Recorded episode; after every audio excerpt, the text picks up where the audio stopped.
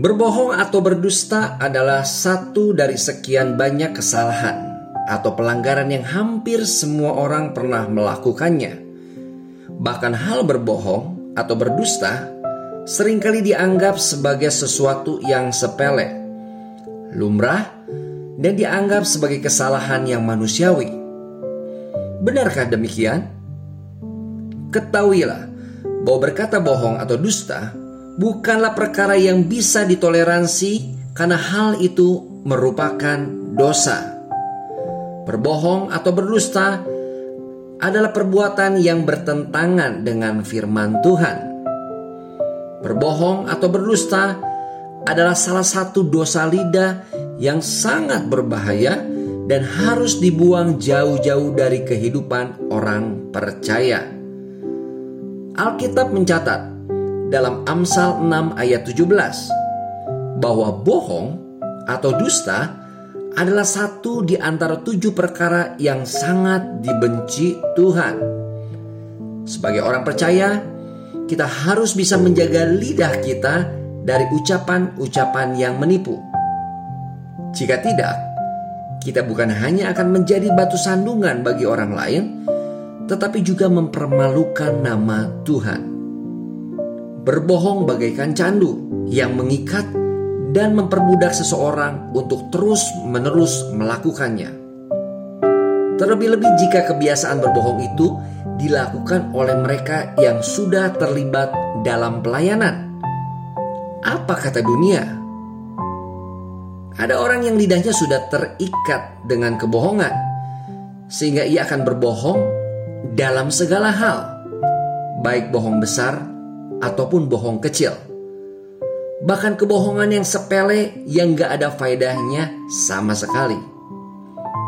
Saking seringnya ia berbohong, kadangkala tanpa ia sadar, tiba-tiba ucapannya sudah bohong.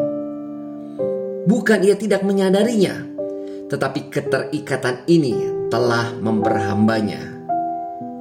Kalau terus dilakukan, maka suatu kali ia akan disambut oleh sesuatu makhluk yang berkata, "Selamat datang di kerajaan para pendusta, dan akulah bapa dari segala kebohongan." Yohanes 8 ayat 44 berkata, Iblislah yang menjadi bapamu dan kamu ingin melakukan keinginan-keinginan bapamu. Ia adalah pembunuh manusia sejak semula dan tidak hidup dalam kebenaran. Sebab di dalam dia tidak ada kebenaran. Apabila ia berkata dusta, ia berkata atas kehendaknya sendiri. Sebab ia adalah pendusta dan bapa segala dusta. Lalu bagaimana cara melepaskannya? Satu, bertobat. Dua, datang pada Tuhan dan mohon ampunannya.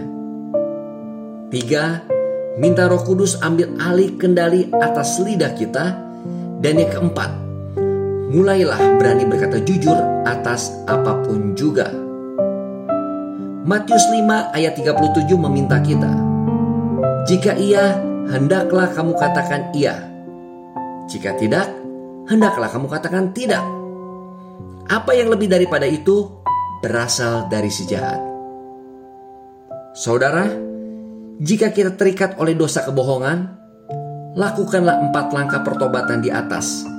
Dan percayalah, Allah akan menolong dan memberikan kekuatan bagi setiap orang yang mau hidup benar di hadapannya. Amin.